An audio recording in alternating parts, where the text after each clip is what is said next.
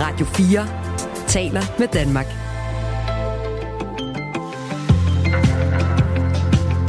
Velkommen til Radio 4 morgen.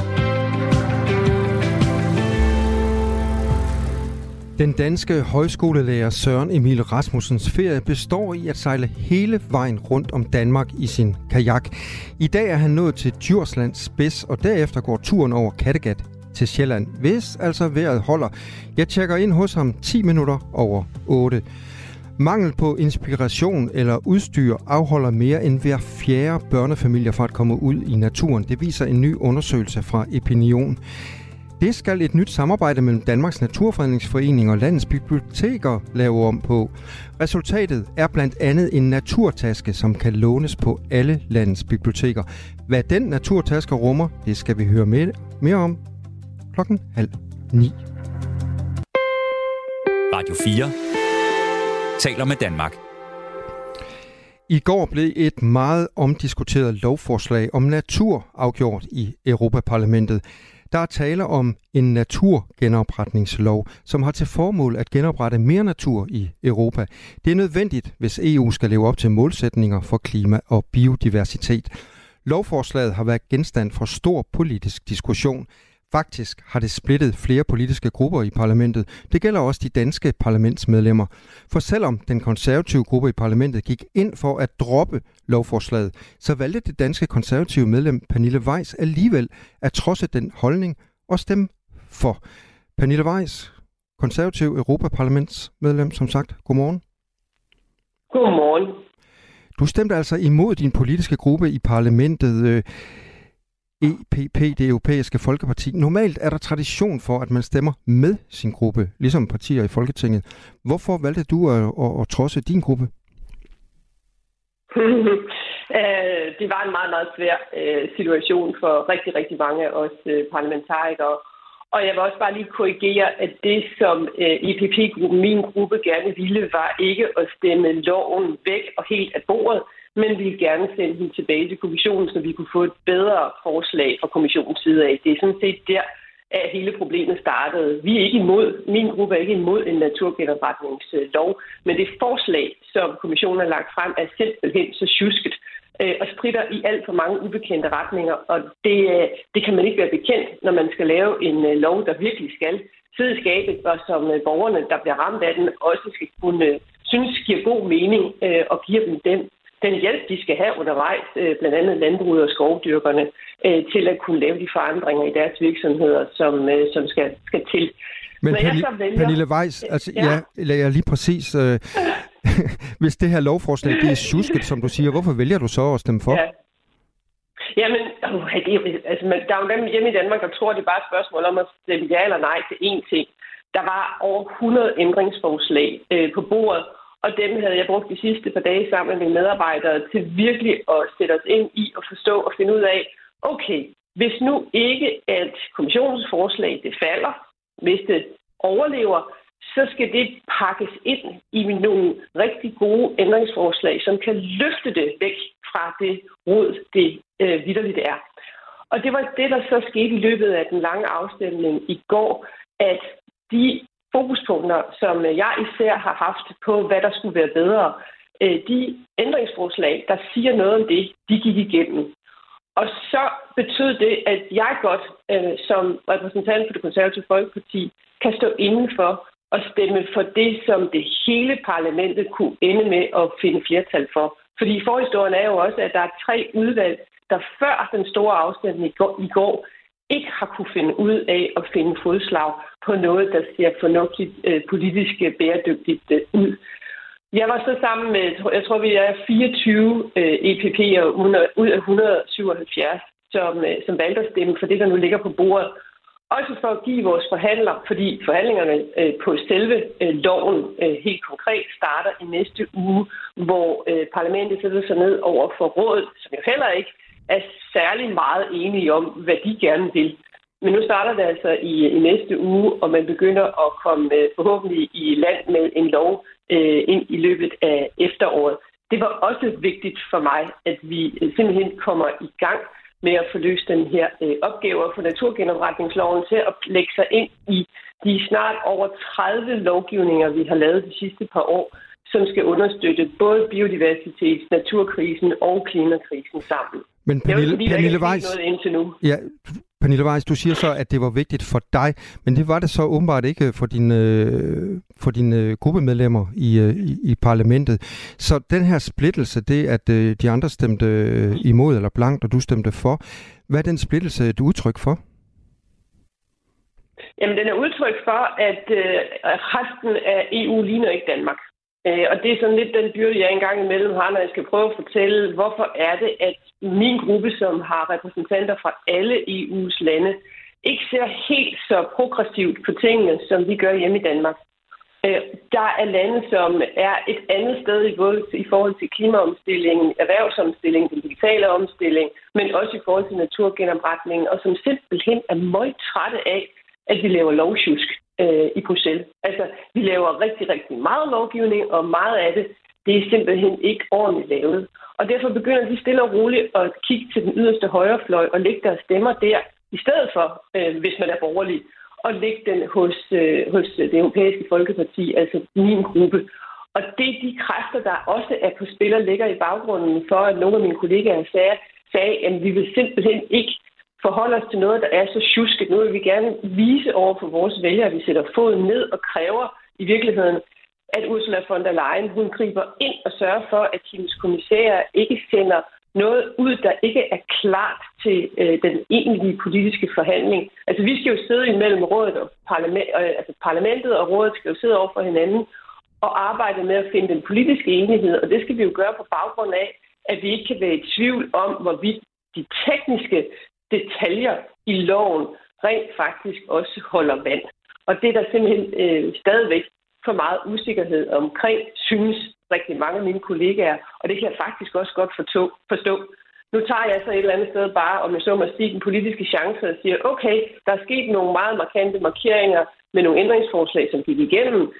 Det gør, at jeg har tillid til, at det kunne godt lade sig gøre, hvis nu folk begynder at, at samarbejde, og kommissionen lægger de beregninger på, på bordet, som vi øh, mangler, øh, sådan så man kan lave et godt og bredt forlig forhåbentlig igennem en, det, der nok bliver en ret lang forhandlingsproces, det man også på lidt teknisk snak kalder trialog øh, i, i løbet af de næste øh, måneder ind øh, i øh, efteråret.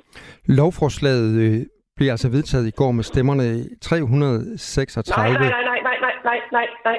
Vi må ikke rende rundt og tro, at loven er vedtaget. Det, der er vedtaget i går, det er, hvad parlamentet har, øh, er enige om at mene om, hvordan loven kommer til at se ud. Det samme har rådet også gjort. Nu skal rådet og parlamentet sætte sig over for hinanden, og så skal vi sammen blive enige om, hvordan skal loven så se ud. Loven er slet ikke vedtaget nu. Kun det, som parlamentet er enige om at mene. Okay, så er det på plads. Men der var altså 336, ja. der stemte for, og 300 imod, og 13 medlemmer, der ja. afstod fra at stemme. Så den her lov, ja. hvis den så bliver til noget, ikke, øh, den skal blandt andet ja. sikre genopretning af 20 procent af EU's natur på land og i havet i 2030. Og inden lovforslaget blev stemt igennem, overlevede den faktisk også et forsøg på først at blive forkastet af parlamentets øh, medlemmer. Og Pernille Weiss, øh, nu har du så forklaret, hvorfor du valgte at stemme for, øh, selvom øh, de andre medlemmer af din gruppe de stemte imod. Hvad siger de medlemmer egentlig til, at du har taget en anden drejning?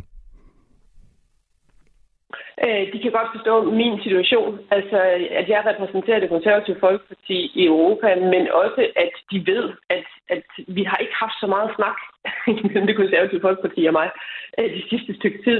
Øh, og derfor har det været meget vigtigt for mig at balancere imellem de forskellige hensyn, som jeg ved, det konservative folkeparti i Danmark repræsenterer. Vi har både medlemmer, for hvem naturen er altafgørende, og som har presset meget hårdt på at få en lov nu, og egentlig også meget gerne en lov, der er meget mere ambitiøs end det, som EPP vil. Og så har vi også medlemmer, og vi har vælgere, som repræsenterer skovdyrkerne og landbrugsfaget og, øh, og fødevarene, og, og den del af dansk erhvervsliv, som siger, hmm, I skal altså blive lidt mere skarpe og grundige i jeres måde at lave lovgivning på. Så pas nu lige på. Så jeg har prøvet at balancere imellem, om man så må sige, de to forskellige positioner, og brugt om mm, den den lidt nørdede tilgang, som jeg har til, øh, til europapolitik, også nemlig, at så sætter jeg mig altså ned, og så læser jeg lovforslagene, før jeg begynder at melde ud, om jeg er klart imod eller klart for noget som helst. Og det var det, der skete i løbet af, af den her uge, og resulterede i, at jeg undlod at stemme for min gruppes ønske om at vælte lovforslaget. Det vil sige, at jeg tog ikke stilling til, om kommissionens forslag skulle overleve eller ej. Tak skal jeg du have. På. Ja, tak skal du have, Pernille Weiss. Vi er nødt til at lukke ned her. Øh, tak fordi du var med her til morgen, altså konservativ Europaparlaments øh, medlem. Godmorgen til dig. Ja, godmorgen og tak skal I have. Ja, Hej. velkommen. Hej. Det her er Radio 4 morgen. Hvis man vil gøre noget anderledes i sin sommerferie, så kan man jo gøre det, som Søren Emil Rasmussen er i gang med lige nu. At sejle Danmark rundt i kajak. Han har sejlet fra Vadehavet op langs den jyske vestkyst, rundt om Skagen og ned langs østkysten, rundt om Djursland, og nu på vej over Kattegat til Sjælland, hvis altså vejret det vil. 19 dage indtil videre er det blevet til søs. Godmorgen, Søren Emil Rasmussen. Godmorgen. Du er ikke bare på vej Danmark rundt i kajak, du også underviser på Nørgaards Højskole. Ja. Jeg er nødt til lige at spørge dig, Søren Emil, øh, hvordan har armene det lige nu? Jamen, øh, de, har det, de har det egentlig godt. Altså, jeg kan godt mærke det i, i kroppen, at, øh, at jeg har roet rigtig meget, og det er også øh, ofte efter sådan en lang rodag, kan jeg godt mærke det. Men som regel så hjælper det godt med en, øh, med en god nat søvn. Nu fik jeg sagt, at øh, du var, du var sejlet eller roet rundt om øh, Djursland. Hvor er du præcis lige nu? Jamen, jeg er ved øh, Elsegårde, så det, det er det, der ligger sådan lige ud til, øh, til Hjelm, til på Æbeltoft. Så hvordan ser det ud lige nu? Altså holder vejret til, at øh, du kan ro tværs over Kattegat?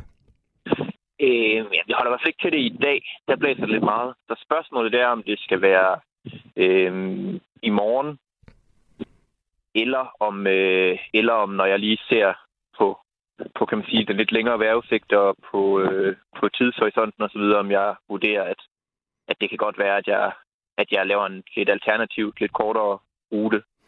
Hvad, bety- øh, hvad betyder vejret? Altså, hvorfor er det problematisk øh, at sejle øh, tværs over Kattegat, øh, fordi det blæser lidt? Jamen, øh, det er jo det er mest, hvis man kan sige, der er jo lidt forskellige muligheder, om man, men hvis man tager sådan det, den direkte vej, som er sådan øh, via hjelm og så til Sjællandsøjet, så har man alligevel et, øh, et langt kryds på, på øh, 33 km eller sådan noget, hvor man er lidt åben, og der er man jo lidt lille i en lille kajak. Så der skal vejret gerne være sådan ret, ret stille og vinden fra den rigtige retning. Øhm, før jeg vil kaste mod det. Alternativt kunne man jo også tage den via Samsø eller andre veje, men så bliver det selvfølgelig også lidt længere. Så det er lige sådan en balance mellem os, øh, ja, ja, med tiden. Og så også, når jeg kigger lidt længere frem, kan se, at det er selvfølgelig også en del de kommende dage, men så er man selvfølgelig lidt mere beskyttet af Sjælland.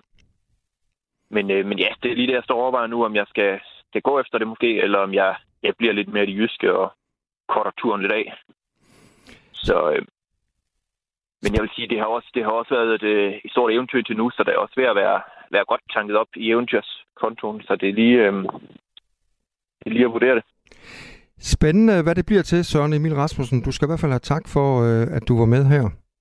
Ja, selv tak. Og, og god dag. Ja, og god tur til dig. Ja, tak skal du have. Det her er Radio 4 morgen. Man skal ikke kunne tale sig til et 12-tal i madkundskab. Sådan lyder en overskrift i et indlæg, som børne- og undervisningsminister Mathias Tesfaye fra Socialdemokratiet har skrevet i Politikken. Han mener ikke, at sammenhængen mellem teori og praksis er den rigtige i folkeskolen, og han bruger madkundskabsfaget som eksempel. Han nævner i indlægget, hvordan tre ud af fire kompetencemål for madkundskabsfaget i dag ikke om at kunne lave mad. Det handler i stedet om at kunne begrunde valget af råvarer og fortolke måltider med forståelse for værdier, kultur og levevilkår. Og sådan mener han ikke, det skal være. Man bør derimod stile mod en folkeskole, der også værdsætter, at eleverne bliver gode med deres hænder. Lone Appelqvist Carlsen er formand for Foreningen for Madkundskab, en forening for landets madkundskabslærer. Godmorgen til dig. Godmorgen. Mathias Tesfaye mener altså, at man skal at man ikke skal kunne tale sig til et 12-tal i madkundskab. Er du enig i det? Ja, det er jeg. Jeg mener heller ikke, at man skal kunne tale sig til et 12-tal. Hvorfor ikke? Ja, fordi at det, øh, at det er jo et øh, praktisk fag, som vi øh, har, og derfor så giver det jo, altså Mathias har jo et langt stykke hen ad vejen øh, ret i sin øh, udtalelse omkring det, at han ønsker en, sammen, en større sammenhængskraft imellem teori og praksis og, og har en, et ønske om, at vi har en mere praktisk orienteret skole. Det er jo også øh, vores forenings øh, øh, overbevisning. Men det, der måske er, er øh, udfordringen her, det er jo også, at de kompetenceområder, som han klandrer for ikke at, at være praktisk orienteret, det har jo aldrig været intentionen, at de har skulle få anderledes end en, en øh, praksisfaglig øh, kontekst. Så det er et spørgsmål om, hvordan at man har, er kommet til at forvalte øh, områderne, kan man sige. Der er noget vand, der koger bagved dig. Lyder det ja, som om? Det var, ja, det, er, det gør det ikke mere. Det var nogle æg. Det var min mand, og han havde bare orienteret om, at han skulle lade være. Okay. ja. Så Lone Appelqvist øh, Carlsen, øh, det Mathias øh, Tesfaye øh, ligesom peger på her, er det et problem, som I mærker derude? altså, i hvert fald så tænker jeg, at intentionerne for både øh, læringsmålene og kompetenceområderne har været øh, anderledes, end de åbenbart kan, man kan risikere, at de bliver fortolket og praktiseret. Og i hvert fald, hvis man læser øh, den artikel, som øh, Mathias Tesfaye også refererer til i folkeskolen, og så hans egen øh, artikel her. ikke. Øhm, og så er det et spørgsmål om, i virkeligheden, om øh, det så er øh, selve øh, altså prøveformen, som måske kunne være relevant at sætte fokus på. Men jeg skal lige have på plads, øh, Lone Appelqvist øh, Carlsen. Er du enig med ministeren i, at sammenhængen mellem teori og praksis i faget burde laves om? Nej, det er, eller ja, ikke burde laves om, Claus, men, men det jeg egentlig ham, med ham i, det er, at at der skal være en sammenhængskraft mellem teori og praksis. Og det er der også. Det, der har været udfordringen, det er, at vores fag ikke nødvendigvis har været har haft øh, den status, som det er berettiget til, kan man sige. Og i konteksten af det, så har man forsøgt at... at øh, der ligger utrolig meget tavs viden i madkunst. Øh, og den den har man prøvet på at tale ved at gøre det til at skabe fokus på teorien. Øh, sådan er med til at øh, altså undervise, så at øh, eleverne kan træffe bevidste valg og blive nogle reflekterede praktikere. Det er i virkeligheden det, der er vores fokus. Ja, hvis vi lige skal prøve at være konkrete, så kan jeg lige læse lidt op af det, som øh, Mathias Tesfaye han skriver.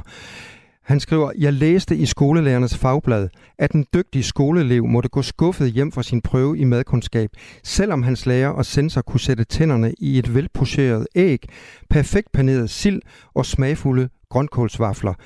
Han kunne nemlig ikke forklare, hvilke kemiske reaktioner i æggevidens møde med det letkogende vand, som gør, at viden lægger sig om en kugle om den smilende blomme. Hvad mener du om den oplevelse, som øh, den her elev åbenbart har haft? Jamen, altså, når vi taler om sammenhængskraften imellem teori og praksis, så betyder det jo også noget, at eleven har været i stand til at bruge nogle, øh, nogle, øh, nogle faglige begreber, øh, som han har været mødt på i, i undervisningen. Men det, han, det handler vel mest om, at han har lavet en perfekt paneret sild, gør det ikke? Det handler rigtig meget om, at han er en dygtig håndværker, men vi skal, vi skal jo også være opmærksom på, hvad er det i virkeligheden, vi gerne vil øh, uddanne eleverne til, eller hvad er det, vi skal have i fokus. Skal det være kokke eller bager? Øh, skal det være asketer, der øh, øh, sikrer et øh, sundere samfund? Eller hvad er det, der er hvor, i vores øh, øh, fokus? Og det, der er vores fokus, det, der står som vores formål, det er, at vi skal, øh, vi skal øh, skabe bevidste, altså elever, der træffer bevidste valg. Øh, så, øhm, og der, der kan jeg godt se, at hvis eleven her ikke har kunnet tale om, om de madtekniske egenskaber, ægget har, øhm, i hvert fald havde han ikke nødvendigvis haft brug for at kunne bruge nogle øh, store teoretiske begreber, men han kunne måske godt på et jævn måde have i tale, at det var, han, han oplevede, at der skete med æg. Det gør Mathias Tesfaye jo selv. Han bruger jo heller ikke nogen faglige begreber der. Øh, jeg kan godt forstå, at han er skuffet, når han har, og jeg kan også godt forstå, at øh, journalisten, der har overvejet eksamen, er skuffet. Men jeg tænker faktisk, at noget af skylden peger, altså hvis man skal tale skyld i den her kontekst, så peger fingrene hen imod sensoreksaminator, som har forvaltet øh, fokus lidt skævbreden, kan man sige. Fordi øh, vores prøve, som den fungerer nu, er jo øh, to timers praktisk. Altså først så trækker man, det er noget forældet, man øh, trækker et prøveoplæg, og så har man øh, øh, to uger til at gøre sig klar, på, øh, øh, eller en uge til at gøre sig klar på det, og så, øh, så skal man have to timers praktisk øh, prøve. Så er der 10 minutter inklusive 3 minutter til votering af øh, karakteren, øh, hvor det er teori. Og hvis man forvalter det på den måde, så kan man jo også godt se, hvad der vægter tungest. Det er jo den praktiske del. Ja, jeg taler lige nu med Lone Appelqvist Carlsen, der er formand for Foreningen for Madkundskab. Og jeg forstår dig sådan, Lone Appelqvist, at øh, du delvist er enig med Mathias Tefej om, at der skal mere praktik ind i de her eksamener i madkundskab end teori. Så hvad gør I så nu øh, for at få de her ting øh, ændret? Jamen, først og fremmest så handler det jo om, at øh, øh, prøven er jo ny. Øh, det er første gang her i sommer, at, øh, at øh, man har, alle har været oppe i og, og, i et til eksamen i madkundskab i valgfagsprøven. Og, øhm, og den skal jo på en eller anden måde have bundfældet sig eller skabe, øh, skabe noget opmærksomhed. Og, øh, og det, jeg tror, der måske har været udfordringen, det er, at man har øh, prøvet på, altså man har prøvet på at vægte teorien tungere, for, enten fordi, at man har haft svært ved at få øje på, at man i, øh, i den daglige undervisning øh, faktisk har mulighed for at have rigtig meget teori, teori ind over, uden at man behøver at adskille det fra den praktiske del, men at det ligger implicit i det. Det, som vores politikere også har, øh, det begreb, de har opfundet, der hedder praksisfaglighed. Altså, hvor tingene holder hinanden i hænderne.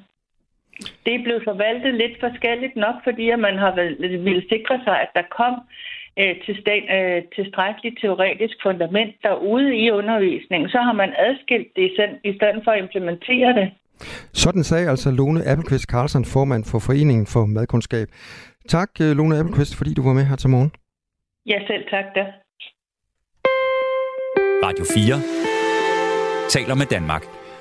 I Ungdommens Røde Kors får de nu 700.000 kroner mindre at gøre godt med. De penge er nemlig gået tabt i forbindelse med, at Laus.com er gået konkurs. Ungdommens Røde Kors, som er Danmarks største humanitære ungdomsorganisation, har ellers haft en årlig velgørenhedsauktion sammen med Laurits.com.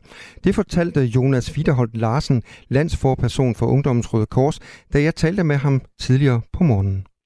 Så kendte mennesker eller virksomheder eller eller kunstnere har doneret varer eller deres tid på den ene eller på den anden måde, som vi har kunne bortaktionere gennem, gennem øh, Laurits.com.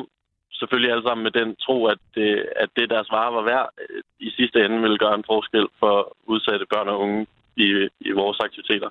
Så hvad er det øh, præcis, der er sket nu? Jamen, nu står vi i den situation, at Laurits.com er gået konkurs, og, og væk af de 700.000 kroner, som vi skulle have brugt på vores øh, på vores aktiviteter.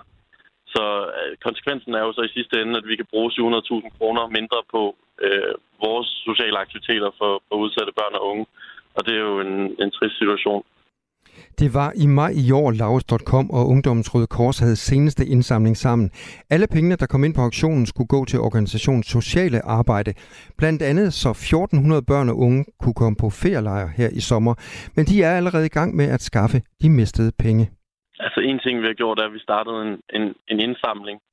Øh, også dels i, i, af, i afmagt øh, i går, og, og den har samlet omkring en kvart million kroner ind i løbet af de sidste 24 timer. Det har gjort en kæmpe stor forskel i forhold til at lukke det hul, vi ser, der er i vores, vores budgetter. Så det er også bare et stort tak til dem, der lige sidder derude, som også har doneret, og en, og en kæmpe opfordring til at komme ind og hjælpe, hvis man, hvis man har overskud til det.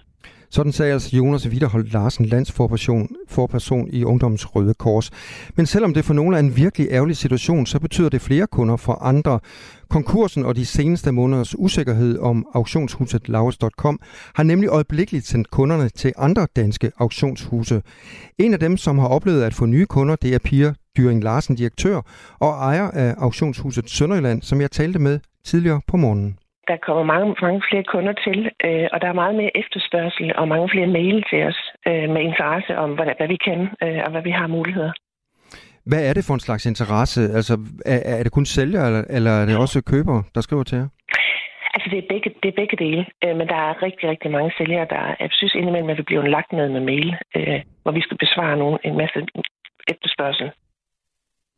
Men, men det er også købere, der har meget større interesse. Vi kan se, at der kommer mange flere ind procentmæssigt i forhold til, at vi er i en, en lidt sådan en lav øh, periode. Sådan sagde altså Pia Dyring Larsen, direktør og ejer af auktionshuset Sønderjylland. Og hermed blev klokken halv ni. Nu er der nyheder på Radio 4. Sommerrejsende, der skal flyve fra Hamburg Lufthavn her til morgen, må væbne sig med tålmodighed. Al flytrafik er nemlig indstillet, fordi uautoriserede personer er gået ind på landingsbaner, skriver Lufthavnen på sin hjemmeside. Det er klimaaktivister, der har indtaget to af lufthavnens landingsbaner, skriver fly, flere tyske medier. Aktivistgruppen Letste Generation har delt billeder af aktionen på Twitter, hvor medlemmer i klædt orange veste har sat sig på landingsbanen i Hamburg. Gruppen deler også billeder fra Düsseldorf og skriver, at de også er brudt ind på landingsbanen her. På Flight Radar kan man dog se, at landingsbanen i Düsseldorf igen er i brug. Ifølge den tyske avis Bild har politiet været til stede i netop Düsseldorf for at håndtere aktivisterne på landingsbanen. Næsten alle vil blive ramt af psykisk sygdom på et tidspunkt i livet, det viser en ny dansk undersøgelse. Ifølge overlæge og professor i psykiatri Lars Vedel Kessing, der står i spidsen for den nye undersøgelse, vil 82 procent af os komme i behandling for psykisk sygdom, det skriver politikken. Tallet er så højt, at det næsten er svært at tro på, medgiver Lars Vedel Kissing, ansat på Psykiatrisk Center København og Københavns Universitetsinstitut for Klinisk Medicin. Selv i samtaler med sine egne kolleger i psykiatrien lød reaktionen, at det ikke kunne passe. Ifølge ham er det fordi, at det er helt nyt, at der er blevet lavet en undersøgelse af livstidsforekomsten af behandlet psykisk lidelse. Derudover forklarer han det også med, at familie, venner eller kolleger, der har været ramt af psykisk sygdom, enten ikke har lyst til at fortælle om det, eller ikke kan huske det er ikke kun i Europa, at NATO-topmødet i Vilnius fylder meget. Der bliver også holdt et ekstra skarpt øje med præsidenten for det mest magtfulde land i NATO, USA. Men Joe Biden endte faktisk med at være noget tilbageholdende og afventende under NATO-topmødet. Der kom ingen konkrete garantier eller tidsramme for Ukraines øh, optagelse i NATO. Men det er der en, gro- en god grund til, fortæller Mads Dalgaard Madsen, der er tidligere indrigspolitisk rådgiver ved den danske ambassade i USA. En amerikansk præsident skal nemlig ikke være med til at eskalere krigen i Ukraine. Og hvis han var gået med til at starte den her MAP-proces, altså optagelsesproceduren for Ukraine, jamen så vil det blive set som en eskalation af krigen i Ukraine. Så han prøver virkelig som den mest magtfulde nation at gå en fin balancegang her på den udenrigspolitiske scene. Men også på hjemmefronten, altså internt i USA, møder Joe Biden modstand i forhold til krigen i Ukraine. Og det er jo, at Ukrainehjælpen som sådan i USA er en politisk størrelse, og ikke noget, der er bredt sådan, som sådan enighed om. Og en præsident i USA har sådan set ikke øh, ene ret til at bestemme, om man skal fortsætte støtten til Ukraine. En præsident kan kun bruge penge, der kommer fra kongressen. Så USA, Joe Biden han kan ikke stå på den internationale scene og love mere støtte til Ukraine, fordi det er sådan set ikke noget, han kan bestemme. En kinesisk hackergruppe har hacket sig ind i 25 amerikanske institutioner.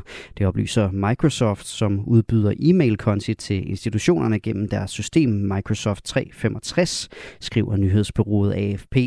En talsmand fra det amerikanske udenrigsministerium bekræfter, at der er blevet opdaget unormal aktivitet i ministeriets IT-systemer, og at ministeriet øjeblikkeligt har taget affære for at forsikre systemerne. Den truende aktør, som Microsoft forbinder med denne hændelse, er en fjende med base i Kina, som Microsoft kalder Storm 0558, skriver tech-giganten i en pressemeddelelse. Lidt eller nogen sol i dag og spredte byer, som lokalt kan blive kraftige og med torden. Temperaturer mellem 17 og 22 grader og let til frisk vind fra vest og sydvest. Således et nyhedsoverblik her på Radio 4 med Asbjørn Møller. Du lytter til Radio 4 morgen. Husk, du kan skrive en sms til os på 1424. Ved du ikke helt, hvad du skal lave med dine børn i sommerferien, og kan du godt lide naturen, så er der hjælp at hente fra Danmarks Naturfredningsforening. De har netop lanceret en rygsæk fyldt med naturgrej og inspiration til aktiviteter i naturen. Den kan du låne på biblioteker rundt omkring i landet. Så nu kan jeg sige godmorgen til Mirella Engelbrecht, der er projektleder ved Danmarks Naturfredningsforening. Godmorgen. Nu ligger der en masse ting foran mig. Du har simpelthen åbnet den her øh, naturrygsæk og spredt tingene ud, og jeg har lige taget fingre i, i den her, det er en lille dåse. Det er simpelthen en, øh, en seks uger, det er en, du har fat i der. En seks uger, ja. ja. Det er en dåse, hvor der stikker sådan to øh, plastikrør opad. Altså, ja. hvad skal den bruges til? Jamen, den er så praktisk, fordi nogle gange, hvis man prøver at fange en myre eller noget, det kender vi, de, de hurtige, og så slipper de væk fra en, eller også så kommer man til at klemme dem. Men her, så kan man tage det ene rør ned til myren, og så kan man suge i det andet, og så suger man den simpelthen ned, og så kan man kigge på den dernede. Og så sidder jeg her i venstre hånd med noget, der ligner en, øh, en lille lup, sådan en farverig ja. ting med en... Øh, er det en bi, der kigger ned i en æske, som er, som er udenpå? Det, altså, hvad skal, en, hvad skal jeg med den? Det er en fin dåselup. Og det er fordi, at vi har brug for at kigge på det nogle gange, hvor vi kan se både det bevæger sig, men det er også tæt, at vi skal kigge for oven her og få et bedre. Og hvis man vil kigge endnu mere, så har vi sådan en tovejslup, hvor man kan kigge både fra siden og oppe, så man kan studere fra alle sider. Ja. Nu kan lytterne jo ikke se, hvad det rent faktisk Nej. er, vi har i gang i her, men jeg sidder altså med, med, med en dåse, og, så sætter jeg låget på her, mm. og lad os nu forestille os, at der var en uh, tissemyre eller en uh, humlebi hernede i, mm. så kunne jeg se detaljerne på, på myrerne. Er det sådan at forstå? Det er simpelthen sådan, du skal forstå det. Ja. Hvorfor er det, I har lavet det her projekt med den her øh, naturrygsæk? Jamen det har vi, fordi vi kan se, at der er en stor gruppe af forældre, øh, som rigtig gerne vil mere i skoven med deres børn og ude i naturen, men de ved ikke, hvad de skal lave derude. Og øh, så er det, at selvom de gerne vil, så ender man med at tage i biografen eller det, man kender. Så ved man, der er rimelig øh, sikkert et payoff. Alle kommer til at have det hyggeligt, og så kommer vi hjem, og det var en god oplevelse. Hvor hvis man går ud, og man siger til børnene, skal vi gå en tur i skoven, så, så ved de ikke. Så siger de nej tak. Altså. Men hvorfor er det vigtigt at få børn ud i naturen? Det er uden tvivl godt for børn at komme ud i naturen. Øh, og øh, alt tyder på, at, at øh, eller alle undersøgelser viser, at øh, det fremmer trivsel, og det mindsker stress. Øh, for eksempel har Peter Geisling skrevet en fremragende bog, der hedder Det vigtige vitamin N, hvor han gennemgår alle de videnskabelige data, der er for, hvorfor det er så vigtigt. Men kunne det ikke være bedre med noget mere viden, for eksempel i folkeskolen omkring naturen, end øh, vi skal rende rundt med sådan en øh, rygsæk?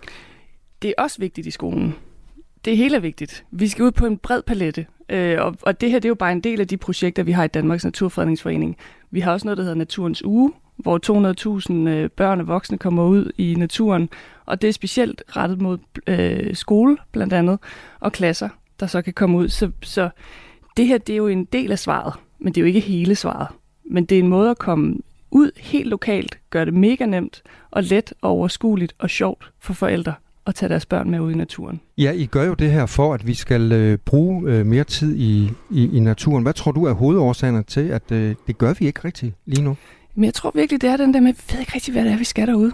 Altså, og øh, vi, øh, min, øh, vi har en naturvejleder, som, som tit har fortalt om, hvordan at han, når han så har en gruppe af, af børn og forældre derude, så går han 100 meter med dem, og så stopper han og spørger, hvad har I set? Og så har de ikke set noget som helst de er gået på stien, og de er sådan, ja, vi har gået på en sti, og der var nogle træer, og de næste 100 meter, så skal I lægge mærke til, hvad det er, I ser. Og så skal I fortælle mig det. Og så går man helt i stillhed, og så kigger man, og når de har gået de næste 100 meter, så har de set alt muligt. Vilde ting, træer, bier, fugle, der sagde noget specielt, og hvad var det egentlig, der puslede derinde i krattet og sådan noget. Og man kan sige, den, vi kan jo ikke alle sammen have en naturvejleder med ude, når vi er ude og gå en tur. Men den her taske, den kan hjælpe med at blive sådan lidt naturdetektiv der er så de der redskaber til, at vi bliver opmærksom på, hvad er det egentlig, der er derude? Fordi naturen, det er den der gave, der bliver ved med at give. Der er uendeligt øh, at kigge på og, og hygge sig med. Det er projektet Naturfamilier under Danmarks Naturfredningsforening, der står bag de her mange tasker. Målet er altså, som vi hører, at give børnefamilier inspiration til at komme mere ud i naturen. I et forsøg på at hjælpe familierne afsted, så udlåner 100 biblioteker landet over for den her uge, altså ryg, øh, rygsække med, med udstyr, som kan bruges i naturen. Øh, Mirella, hvorfor er der behov for udstyr i stedet for viden øh, til at lokke familier ud? Vi har været lidt inde øh, på Jamen, jeg, jeg tænker, det er en kombi. Altså først så skal man se, hvad er det egentlig, der er sjovt, og naturen er jo altså virkelig grineren. Det, når man kigger på biller, de er jo så underlige, og, og små dyr ude i, i krattet og sådan noget, så det i sig selv er jo virkelig sjovt. Og bagefter, blandt andet her i tasken, kan man jo så dykke ned i viden. Så er der en bog her, der fortæller, hvad er det egentlig, vi kigger på? De små dyrs verden hedder den. Ja, ja. lige præcis. Og hvad kan man se i den? Der kan du se dyrene, hvor de lever, hvordan det er. Vi har også en masse øh, folder her, som viser noget om øh, søer og vandløb, hvad finder du der, og i skoven og så videre. Så der er ligesom al den viden, man også har brug for. Men første step, det er ligesom at se, hvad er det egentlig, der er derude, og, og få den der nysgerrighed. Øh, og det gør vi ved at undersøge det. Vi skal være mere nysgerrige på naturen, siger du. Mm. Og det er det her øh, projekt så et, øh, et forsøg på. Men hvilke konsekvenser har det, at øh, hver fjerde faktisk viser undersøgelser afholder sig fra naturen øh, på grund af manglende inspiration eller, eller udstyr? Altså man sige, det man kender, passer man på. Og når vi ikke kender naturen, så passer vi heller ikke på den.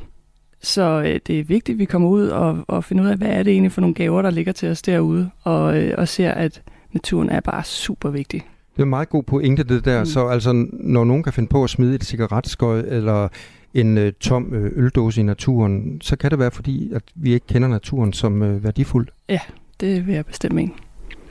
Så hvad sker der nu med de her tasker? Altså, som jeg sagde før, så kommer de ud på 100 øh, biblioteker øh, rundt omkring i landet. Ja. Og hvad skal man så gøre? Jamen, det er ligesom at låne en bog. Du går bare ind og bestiller den, eller går ned på biblioteket og låner den. Så øh, det er simpelthen så nemt. Og det er jo det, der er så dejligt ved, at vi har fået det her gode samarbejde op at køre med bibliotekerne, for det kender vi, og børnefamilierne er der i forvejen, og alle ved, hvordan man låner en bog, så nu kan man bare også låne naturoplevelser. Selvom I ikke kan se, hvad der rent faktisk er i den her rygsæk, øh, så kan jeg i hvert fald godt øh, stå på mål for, at øh, det ser meget inspirerende ud, og, og, og jeg tror, at mange familier vil få det sjovt ud i skoven med, det, med den her rygsæk. Så det er bare med at komme på biblioteket og, og låne en af de her rygsække. Mirella Engelbrecht, projektleder ved Naturfredningsforeningen. Tusind tak, fordi du kom øh, her i studiet og gjorde os klogere på den her naturrygsæk. Mm, tusind tak, fordi vi måtte være med.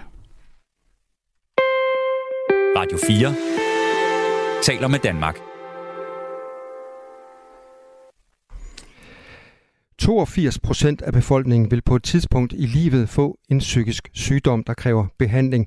Det konkluderer et nyt studie, der er ledet af overlæge og professor i psykiatri Lars Vedel Kessing. Før har man regnet med, at omkring en tredjedel af alle danskere kommer i behandling for en psykisk sygdom. Men det er fordi, man kun har talt op, hvor mange der får behandling i det psyki- psykiatriske system. I det nye studie har forskerne også talt talt dem med, som må have behandling for deres psykiske lidelse hos deres praktiserende læge eller en privat praktiserende psykiater. Og gør man det, viser det sig altså, at 8 ud af 10 danskere i løbet af livet får en psykisk sygdom. Med os nu har vi nu øh, Jane Alry Sørensen, generalsekretær i Bedre Psykiatri. Godmorgen. Godmorgen. Hvad betyder de her resultater, som øh, jeg lige har læst op? Jamen, øh, jeg håber, at øh, de kommer til at være en murbrækker i forhold til, at vi i offentligheden kan have en samtale om, at vi er nødt til at have indrettet vores psykiatri øh, væsentligt anderledes, end vi gør i dag, fordi at det er lige så almindeligt at få en psykisk sygdom, som det er at få en fysisk sygdom, og det er vi nødt til at tage bestik af. Så hvad kan de her tal øh, betyde for det enkelte menneske?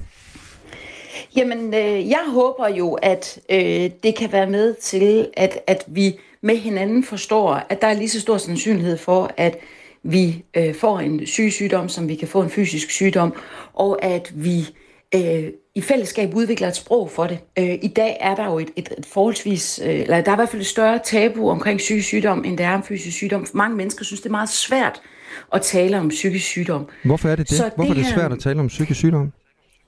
Ja, og det, det er et rigtig, rigtig godt spørgsmål, og jeg tror, øh, meget af det handler om, at der er mange myter omkring, hvad er psykisk sygdom, og hvorfor får vi en psykisk sygdom, og øh, bliver man øh, fuldstændig utilregnelig og så videre. Øh, og så er der også noget med, at der er en masse myter fra gamle dage. Altså i, i gammel tid øh, mente man jo for eksempel, at når mennesker har skizofreni, så var det fordi, at de havde haft en kold mor, der ikke havde givet dem kærlighed nok. Og der ligger der en masse gamle myter og fordomme omkring øh, psykisk sygdom og hvorfor man bliver ramt sådan lige under overfladen. Og jeg tror, det er meget, meget vigtigt, at vi som samfund får et sprog for, hvad er psykisk sygdom? At offentlige myndigheder fører, øh, går forrest i forhold til at tale om diagnoserne. Sådan vi ikke taler om psykisk sygdom som overkategori, men vi begynder at tale om, jamen her er et menneske, der har angst. Det er ligesom vi tager et menneske, der har hjertekarsygdomme. At vi taler om, ja, han, han har skizofreni. Fuldstændig ligesom vi kan tale om, at han har, øh, hvad hedder det, øh, diabetes og så videre, at man på den måde kan tale om, om de psykiske sygdomme på diagnoseniveau, tale om dem med deres, øh, deres hvad hedder det, symptomer og behandling og så videre, sådan at vi offer differentieret billedet, fordi der er meget, meget stor forskel på at være ramt af angst i de unge år, og så til at være et voksen menneske, der har skizofreni i 20 år. Og den samtale er vi nødt til at have, Øhm, og, og det starter i, i min optik med, at, at offentlige myndigheder, politikere osv. begynder at, at, at tale åbent om det. Jamen, hvor, og begynder hvor, også hvorfor at tale er vi det? Hvorfor er vi, nød, om det. hvorfor er vi nødt til at tale åbent og tale specifikt om de enkelte diagnoser, som for eksempel angst eller skizofreni? Fordi, ja, et, fordi folk er nødt til at stoppe med at øh, blive, øh, at, at, at, øh, hvad hedder det, føle det her tabu. Vi oplever, at folk simpelthen selv stigmatiserer, at man simpelthen selv bliver enormt ked af det, og ikke tør åben på sin arbejdsplads. Blandt andet fordi man oplever, at folk begynder at se anderledes på en. Vi ved, at mennesker med psykisk sygdom har meget sværere ved at få et arbejde, end andre mennesker har. Og der vil jo aldrig være nogen, der vil sige, at en diabetiker, ej, det kan være vanskeligt at ansætte, fordi vi alle sammen godt ved, hvad diabetes er. Og derfor så er vi nødt til at have den her samtale. Vi er nødt til i fællesskab at uddanne os om, hvad er sådan en psykisk sygdom? Hvad kan du blive ramt af? Hvad betyder det, når man er? Og så er vi også nødt til at øve os i at være åbne om det i fællesskab. Og vi er, øh, jeg er jo selv arbejdsgiver i vores organisation, øh, og vi som arbejdsgiver er også nødt til at gå forrest i forhold til at ansætte mennesker med psykisk sygdom. Og anerkende, at, at det er mennesker ligesom alle os andre. Øh, hvad hedder det? Øh, og og der, der, det er vi nødt til, fordi, og jeg synes, de her tal aktualiserer, at når så mange mennesker rammer sig en, en, en psykisk sygdom, så er der større sandsynlighed for, at man i løbet af sit liv bliver ramt og kommer i behandling for en psykisk sygdom, end at man ikke er. Forskningsresultatet det viser altså, at 82 procent af befolkningen på et tidspunkt i livet vil få en øh, psykisk sygdom. Så hvor stor betydning tror du, Jane Allerød Sørensen, at øh, det her forskningsresultat øh, har? Jamen, jeg tror, det får øh, rigtig stor betydning. For det første, så håber jeg, at det bliver en murbrækker øh, i forhold til dialog med politikerne. Vi er nødt til at insistere på, at vores politikere går til forhandlingerne om psykiatrien med samme ilu, som man går til forhandlingerne omkring øh, resten af sundhedsvæsenet. Vi er simpelthen nødt til at have et sundhedsvæsen, som er bedre dimensioneret til at kunne hjælpe mennesker med psykisk sygdom bedre. Det handler om stærkere specialisering, altså at lægerne bliver mere specialiseret i de enkelte diagnoser at vi får forsket mere i behandling og forsket mere i forebyggelse og øh, hvad hedder det og så videre. Og så håber jeg selvfølgelig også, at øh, det er en murbrækker den her formiddag hjemme ved kaffebordene rundt omkring i Danmark, til at vi får talt med hinanden om, at det er noget, vi selv har inde på livet. Hvem kender vi, der har det her inde på livet? Og begynder i fællesskab at få et sprog for det her, fordi det er noget, vi bliver nødt til at vende os til at have. Sådan lød det altså fra en meget entusiastisk Jane Alrød Sørensen, der er generalsekretær i Bedre Psykiatri. Tak skal du have, fordi du var med her til morgen, Jane. Selv tak. Det her er Radio 4 morgen. Der er nu sat navn på den mandlige BBC-vært, der gennem den seneste uge er blevet beskyldt for at skulle have betalt en 17-årig 35.000 pund for seksuelle billeder. Der er tale om 61-årig Hugh Edwards, der har været på BBC i fire årtier, og han er en af de højst betalte medarbejdere i mediehuset. Det har skabt lettelse blandt de mandlige værter i mediehuset, der indtil i går ikke har kunne gå fri af mistanken om, at det kunne være en af dem. Og det er en kritisk situation, som BBC nu står i. Det vurderer Morten Rønnelund, der er journalist og som følger britisk politik for Radio 4. Det sagde han, da jeg talte med ham tidligere på morgenen. De beskyldes for at have øh, reageret øh, alt for lidt og alt for langsomt på de beskyldninger, der har været mod øh, Hugh Edwards. Og så står de også i en situation, hvor de øh, øh bliver beskyldt lidt for øh, ved ikke at vil sige navnet på ham, at have sat alle andre mandlige topværter i BBC under et eller andet form for pres. Og det har man også kunnet se på sociale medier, der har været, fordi spekulationerne om, hvem det har været i dagevis, er gået i alle mulige øh, retninger. Og der er også nogle af de værter, der har følt sig sådan udsat for en eller anden form for hets, der er gået til politiet og har sagt, at de rent faktisk vil, vil føre sager mod, øh, mod de helt almindelige borgere, der på Twitter og andre steder har skrevet, at det nok var dem, Hvorfor skaber det så meget øh, revage øh, i BBC? Er det ikke oplagt, at man forsøger at beskytte en vært, indtil man har fuldstændig øh, klarhed over, hvad der er sket? Jo, og det er også det, BBC har sagt. Altså, der er nogle, nogle hensyn at tage, og, øh, og der er stadig det problem i hele det her sagskompleks, at der ikke rigtig er nogen beviser på nogle af de ting, der er kommet frem. Og der er kommet flere beskyldninger end bare den der 17-årige med pengene. Der er også nogen, der har sagt, at de er blevet kontaktet af Hugh Edwards, øh, som ville mødes, mens der var coronaregler. Øh, og det seneste, der er sket inden for de sidste sådan øh, 8-10 timer, jamen det er nogle BBC-medarbejdere, der synes, de har fået upassende mails og beskeder fra ham, der antyder noget, noget seksuelt. Men der er ikke nogen, der har vist beviser på nogle af de her øh, sager endnu. Og det er nok også derfor, at BBC ikke har kunnet gå ud og sige, at det er en af vores højst betalte medarbejdere, som nogen siger noget om Og i øvrigt, så er der to politikredse, der har afvist, at der skulle være sket noget øh, ulovligt, efter at de har set på det. Altså, de har ikke engang synes, der var grund til at efterforske det. Så, så det er svært at sige, at der er noget at sige. Øh, det er i hvert fald problemet i, i det samlede sagskompleks lige nu. Men når man så kigger på de britiske nyhedssider, så fylder den her historie jo rigtig meget, som Morten Rønlund. Hvor, hvorfor gør den det?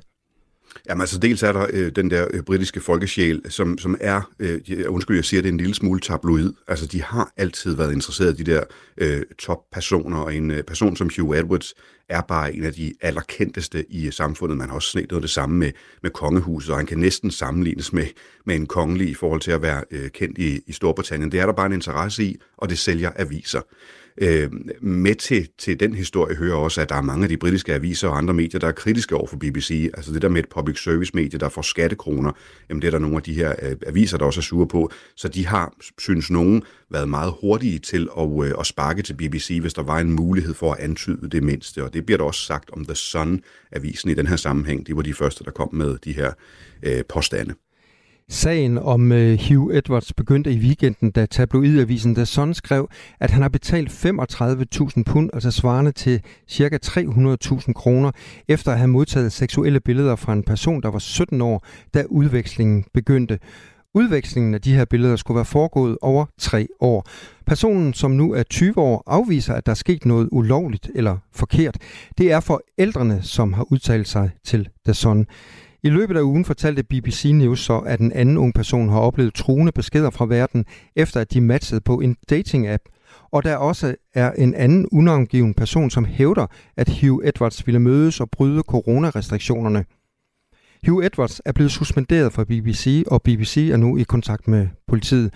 Og det er Edwards egen kone, Vicky Flint, som skriver, at der er tale om hendes mand.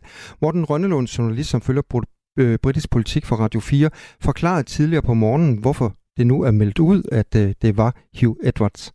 Jamen, det, det, det står der i udtalelsen fra hende. Det er der bare rigtig mange medier, der sådan i farten udlader. På vegne af ham skriver jeg dette.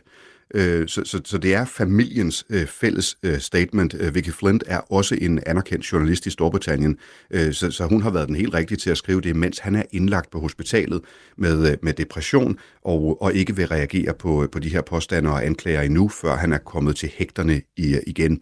Så, så det er ikke hans kone, der er ude og sladrer om ham. Øh, de, de, de har simpelthen aftalt i fællesskab, det er på vegne af ham, at, at hun nævner, at, øh, at, at det er ham. Men det, det, det fortaber sig sådan lidt i noget af, af mediedækningen. Og en lille detalje, vi ved ikke, om det er en, øh, en, en pige eller en dreng, der var 17 år på, øh, på det tidspunkt. Det er også uklart øh, på grund af beskyttelsen af, af, af det potentielle offer. Og det, at de skriver i den her udtalelse, at Hugh Edwards har kæmpet med øh, depression i en årrække, og det har taget til de seneste dage, øh, hvordan bliver den forklaring modtaget øh, af, af britterne? Ja, man kunne tænke, at øh, jamen, det lyder da som altid øh, øh, sådan bortforklaring eller mulighed for at gemme sig under en sten, men han har faktisk øh, noget troværdighed med sig her, fordi han har igennem årtier talt om at have mental health issues, blandt andet depression. Så det har været en kendt sag, at det har været en, en del af hans liv. Det er ikke en, en undskyldning, han har trukket ned fra, fra hylderne. Så der tror jeg egentlig, at britterne er, er meget, øh, ja selvfølgelig har det udløst en depression, hvis du havde det i forvejen. Det må da have været et helt vanvittigt pres, der har ligget på familien, uanset om han så har gjort noget eller ej. Sådan sagde altså journalist Morten Rønnelund, som følger britiske forhold for Radio 4. Radio 4 taler med Danmark. Masser af mennesker står til ikke at få de penge, de har til gode hos Laurits.com, men samtidig står ejerne af det konkursramte auktionshus til at tjene en formue på deres vinslot i Frankrig. Det kan Jyllandsposten Finans nu fortælle. Slottet er mere end en kvart milliard kroner værd, men vinslottet Chateau Vinleur nu ved jeg ikke lige, om jeg fik sagt det rigtigt, men vi prøver lige igen. Vinløre er kun hæftet sammen med en del af Lauts.coms gæld. Med os har vi nu Mads Reinhold, direktør i Forbrugerrådet Tænk. Godmorgen. Godmorgen. Hvordan kan det være, at du og jeg ikke øh, kan få penge ud, når ejerne af Lauts.com har et vinslot til en kvart milliard kroner stående nede i Frankrig? Ja, men det hænger jo... Så, altså nu er jeg ikke konkursekspert, men det hænger jo sådan sammen, at... Øh, at, at vinslottet ikke er en del af Laurits.com, men øh, er ejerne bag Laurits.coms personlige ejendom. Så, så, så umiddelbart øh, kommer vinslottet ikke til at have noget med, med sagen mod Laurits.com at gøre. Hvordan synes du, at det stiller øh, forbrugerne, altså dem, som har, har penge til, til gode øh, hos Laurits.com? Ja, men altså forbrugerne står jo i en rigtig svær situation, fordi det viser sig, at Laurits.com jo øh, har et meget, meget stort underskud og et meget, meget stort, et meget, meget stort gældspost til forbrugerne. De skylder omkring øh, 50 millioner alene til forbrugerne. Og derfor så synes jeg jo, at, øh, at, at kuratoren, altså den person, der er sat i spidsen for at undersøge, øh, hvad der er penge i konkursboet, øh, bør undersøge, om, om ledelsen af Laurits.com har handlet øh, ansvarligt i den her situation. Øh, der er jo meget, der tyder på, at de i rigtig lang tid har vidst, at det her øh, det gik rigtig dårligt, og derfor skulle have gjort endnu mere for at minimere tabet for forbrugerne. Så I i øh, Forbrugerrådet Tænker har haft øh, kontakt med, øh, med kurator, kan jeg forstå, og stillet ham spørgsmål? Nej, det, vi har ikke haft kontakt med kurator, men, men vi har opfordret kurator øh, gennem medierne til selvfølgelig at, at undersøge det her med, om ledelsen har handlet ansvarligt, og det er jo noget, som, som kuratoren jo skal gøre som en del af det arbejde, de er sat til, øh, som jo er et arbejde, de er sat til af staten, altså at undersøge, om, om de har handlet ansvarligt. Og, og når jeg siger det her med, at Laurits.com-ejerne eller ledelsen ikke, øh, givetvis ikke har handlet ansvarligt, så er det jo fordi, at, øh, at Laurits.com øh, har kørt på en meget, meget speciel måde, hvor man øh, har været ude at bruge de penge, som der var mellem en, øh, en, øh, en sælger af en eller anden effekt og en køber, og det er meget, meget usædvanligt og uansvarligt adfærd.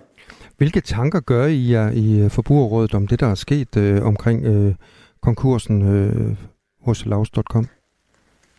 Ja, vi gør selvfølgelig de tanker om, om, øhm, om forbrugeren har været godt nok beskyttet. Altså det er sådan med konkurslovgivningen i dag, at, øh, at man som forbruger kommer, kommer bagerst i køen, når, man, øh, når der er nogen, der går konkurs, og man skal have sine tilgodehavner. Og det betyder, at der er i rigtig mange tilfælde, at det, er det forbrugerne, der ender med at holde for, når der er konkurs, fordi de står bagerst i køen til deres tilgodehavner. Og det, øh, vi gør selvfølgelig den sådan mere generelle tanke, om det virkelig kan være rimeligt, at det altid er forbrugeren, der kommer bag os til køen. Og det er selvfølgelig en diskussion, vi kommer til at rejse, også politisk i den kommende tid. Tirsdag morgen gik Laus.com altså konkurs officielt, men reelt har det været undervejs i flere år. I 2020 blev slottet øh, ejet af Laus.coms, øh, blev, blev vinslottet sat til salg for at redde Laus.com, men det blev ikke solgt. Ifølge Bengt Sundstrøm, bestyrelsesformand og ejer af størstedelen af selskabet, var vinslottet 260 millioner danske kroner værd, og et salg burde kunne ske inden for et år. Men det skete altså ikke, og nu ser det ud til, at øh, ejerne øh, hos Laus.com af det her vinslot, øh, de kommer godt ud af at det her øh, salg, hvis øh, vinslot det kan, det kan sælges. Altså, hvad synes I i Forbrugerrådet tænk om den situation, at øh, de kan stå tilbage med en formue, og, og kunderne de står med tomme lommer? Jamen, det synes jeg jo netop er en, er, er en uansvarlig måde at, at drive virksomhed på, fordi at, øh, at øh, det er forbrugerne, der får den lange næse her, og, og, øh, og ejerne, som har været, øh, øh, hvad skal vi sige, meget... Øh, Ensidige ejere af, af Laurits.com øh, har nogle andre værdier, som de i vores optik jo burde have overvejet at skyde ind i selskabet. Og det er derfor, jeg synes, at det er rigtig vigtigt, at vi får undersøgt, om, om de har handlet ansvarligt i den her situation og, og lavet god virksomhedsdrift. Hvis ikke de har det, så mener jeg, at der er basis for, at øh, forbrugerne øh, lægger sagen direkte mod, øh, mod ejerne for at finde ud af, om, om de den vej igennem kan få deres tilgodehavende, som de nok desværre ikke får øh, gennem øh, konkursbruget. Nej, hvordan stiller det forbrugerne? Altså, hvad kan de gøre for at få de her penge til gode? Ja, lige nu og her, der skal forbrugerne jo dokumentere det til godehaven, de måtte have hos Laurits.com og sende det til Kurator, og så skal de, vi jo afvente, at Kurator får, øh, får undersøgt boet og får undersøgt, hvad der er, der er foregået. Det er jo Kurators øh, øh, øh, job nu at finde ud af, om øh, finde ud af, hvor stor er den øh, samlede gæld, øh, hvad er der for nogle... Øh, hvad er det, hvad er det for en, en rækkefølge, øh, dem der har øh, udstående med Laurits.com øh, står i, og, og, og hvor mange penge er der udbetalt. Og så er det også deres opgave at finde ud af, om ledelsen har handlet øh, forsvarligt. Altså om ledelsen har forsøgt at minimere skaden for, øh, for alle dem, som Laurits.com skylder penge. Og det er der meget, der tyder på, at de ikke har. Og hvis de vurderer, at de ikke har det, så er det, at det kan komme i spil om, om, om ejerne hæfter personligt, og dermed også om, de værdier, de måtte have, som for eksempel vinslottet, der kan komme i spil. Øh, og det er det, vi synes er rigtig vigtigt, at vi, øh, at vi nu får kurator til at undersøge. Tak skal du have, Mads Reinhold, direktør i Forbrugerrådet Tænk. En 30-årig læge er blevet idømt to års fængsel for at have begået seksuelle overgreb. Jeg troede jo, at det var rigtigt, hvad han sagde, når han skulle ind og undersøge. Han er kendt skyldig i at have voldtaget to kvinder ved brug af sine hænder. Jamen, det var en nødvendighed. Det var meget vigtigt at være grundig i sin undersøgelse. Radio 4 undersøger dykker ned i sagen om overgreb og blodfærdighedskrænkelser på flere af landets sygehuse, hvor en læge har forgrebet sig på kvindelige patienter. Der begynder jeg sådan ligesom at tænke, at der er noget galt her. Men jeg tør egentlig ikke rigtig at, at gøre noget. Det var jo en læge, der stod over for mig. Men kunne han have været stoppet tidligere? Det spørgsmål jagter Radio 4 undersøger svar på i serien I hænderne på et doktor. Lyt med i Radio 4's app eller der, hvor du lytter til podcast. Og hermed bliver det tid til øh, Ring til Radio 4 med vært Syl Vester Guldberg Røn. Du har lyttet til en podcast fra Radio 4. Find flere episoder i vores app, eller der, hvor du lytter til podcast. Radio 4 taler med Danmark.